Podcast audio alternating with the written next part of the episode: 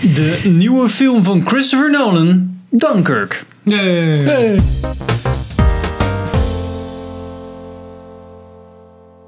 Welkom bij een nieuwe aflevering van Filmers. Ik ben Henk. Ik ben Pim. En ik ben Sander. En we gaan het vandaag, vandaag hebben over Dunkirk van Christopher Nolan. There are 400,000 men on this beach.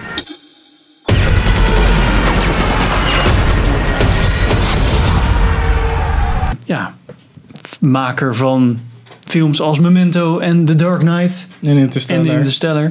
Inception. Ehm Inception. En The Prestige. Pim, Ja.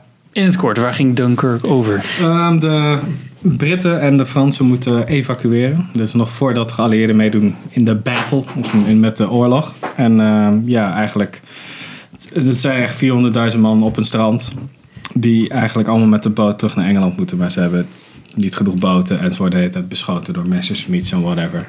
En het is gewoon kut. Ja, het is mooi kut. Ja, met Met onder andere onze grote vriend Damien Bonnard. Fionn Whitehead, zegt me allemaal niks. Tom Hardy. Bernard. Kenneth... eh, Ja, en dan Branagh. Tom Hardy, Lee Armstrong, Grenadier. What the fuck, oké. Dat zijn wel een beetje de bekendste. Niet, Mark ja, Rylance. Het is ook niet echt een film waar, waar, waar je nou echt zit te rooten van... Oh, Harry Stokes, eh, s- Stoke Styles. Styles, ja, die, zit er die nog in? dus echt nergens tussen staan, maar hij zit er wel in. Ja. Nou, dat is niet echt een film Cillian Murphy. Cillian Murphy, Harry Styles, ja, dat je inderdaad. echt wil van... Hé, hey, ja, nee, ik ga echt voor deze grote acteurs. Het gaat voornamelijk om het verhaal, denk ik. En voor ons meer om de regisseur dan wat hij nou eigenlijk maakt. Ja, Bijna. Ja. Dus, Sander. Wat is als jouw eerste, wat is je tof eerste reactie? actiefilm. Ik vond het heel tof, omdat het, eh het liet... Het was best wel emotionally detached of zo, weet je wel. Er was heel weinig... eh, ja, normaal heb je bij war movies... Nee, neem een Spielberg bijvoorbeeld. Ik vind dat Spielberg best wel goede oorlogsfilms heeft gemaakt. Ik Zeker, het allemaal Ryan. over eens zijn. Maar dat zijn wel altijd hele ja, verhalen, kleine verhalen. van Dat je een groepje mensen volgt of zo. Dat je echt eh, ja, emotioneel verbonden raakt met de personages. En dus zijn de stakes hoog, want je wil niet dat, je, Ja. dat het personage doodgaat. Ja. En hier, ja, dit is gewoon heel, eh, heel erg van afstand, heel kil. En gewoon, ja, je bent eigenlijk gewoon een observer. Je ziet gewoon wat er gebeurt. En het is gewoon, ja, het is niet niks. Nee, Nee, precies. precies. Eh, ik vond het heel vet dat het verhaal verteld werd uit drie verschillende perspectieven. Eh, of drie verschillende eh, snelheden eigenlijk. En Spoilers.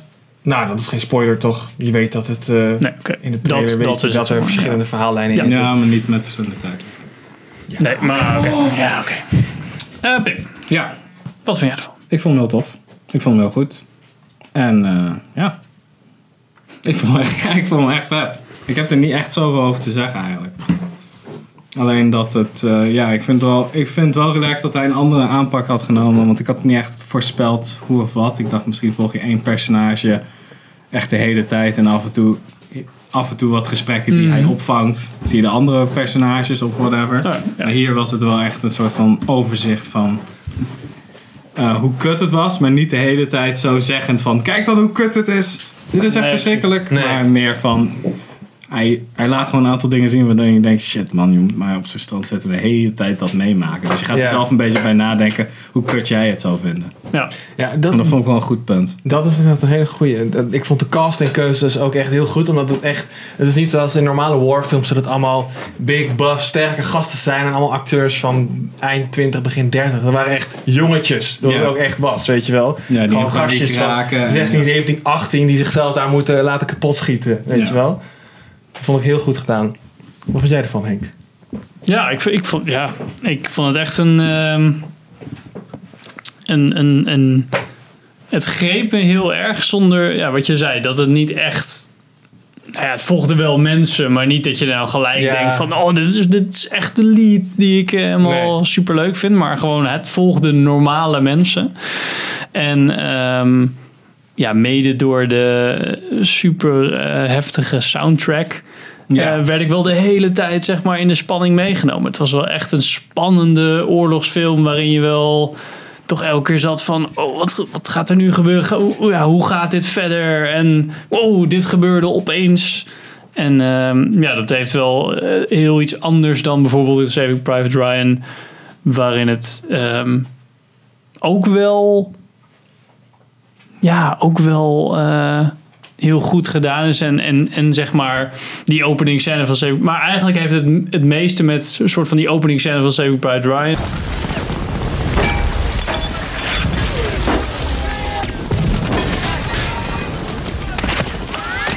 Als in, je, weet, je kent die mensen nog niet. Nee. En er gebeurt gewoon allemaal shit. En Ja. ja, daar zitten ze gewoon- middenin. Wordt er gewoon ingegooid. Ja, en zo was precies. deze hele film eigenlijk. En dat Ja. vond ik wel heel goed. Het deed me ook wel denken aan de, de meest eh, vuurgevechten in Band of Brothers.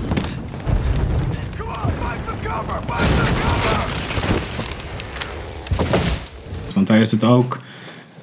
Je weet niet precies... Ja, het, het is niet zeker wie het overleeft. En het is eigenlijk gewoon chaos. Maar Ja. niet zo van chaos van shaky cam chaos. Maar chaos van die lui weten ook niet precies wat ze moeten doen. Ze springen niet over een hek en knallen vijf Duitsers neer of whatever. Ze moeten gewoon wegrennen en moeten het gewoon... fucking- Met twee machine guns. Ah, een sigaar in de mel. Ah. Nee, maar het is wel gewoon... Ze moeten eigenlijk, het is eigenlijk meer een soort van survival film dan een oorlogsfilm. Want Ja. zij moeten gewoon de hele tijd, zij zien weer vliegtuig aankomen. en denken, Ja, ga maar mee liggen en ik hoop maar weer dat ik niet geraakt word. En ik dacht na een tijdje wel van, oeh, zou het zo zijn dat het de hele tijd, want dat is een beetje zo een derde erin, zeg maar, dacht ik van, oeh, wordt het niet de hele tijd bijna de gimmick van, ehm, oh ja, en ik moet, ik moet ook nog even laten zien dat dit heel kut is. En ik moet Ja. deze situatie ook nog even laten zien dat dit heel kut is. En toen begon het verhaal zich meer te unfolden. En toen dacht ik, nee, ja, nu ben ik hierdoor gegrepen en nu... Ja, moet ik er meer bij nadenken, wat ik ook fijn vind. Ja. En dan moet je dan maar de film voor kijken. Maar dat vond ik wel, eh, ja, als echt weer op zijn Nolan, zeg maar, echt heel goed gedaan. ja. Maar eh, waar ik vooraf nog een beetje dacht van, oeh, ja, nee, het is wel een hele andere film dan normaal een Nolan film. Dus kan die dit ook? Ja, dit, ja, dit kan die ook gewoon. Ja. Ja, no problem. Ja, uiteindelijk, het is gewoon, hij moet hem de vrijheid krijgen om zijn eigen shit ermee te doen. En dat is hier echt heel erg goed gelukt. Ja. Ja, ja.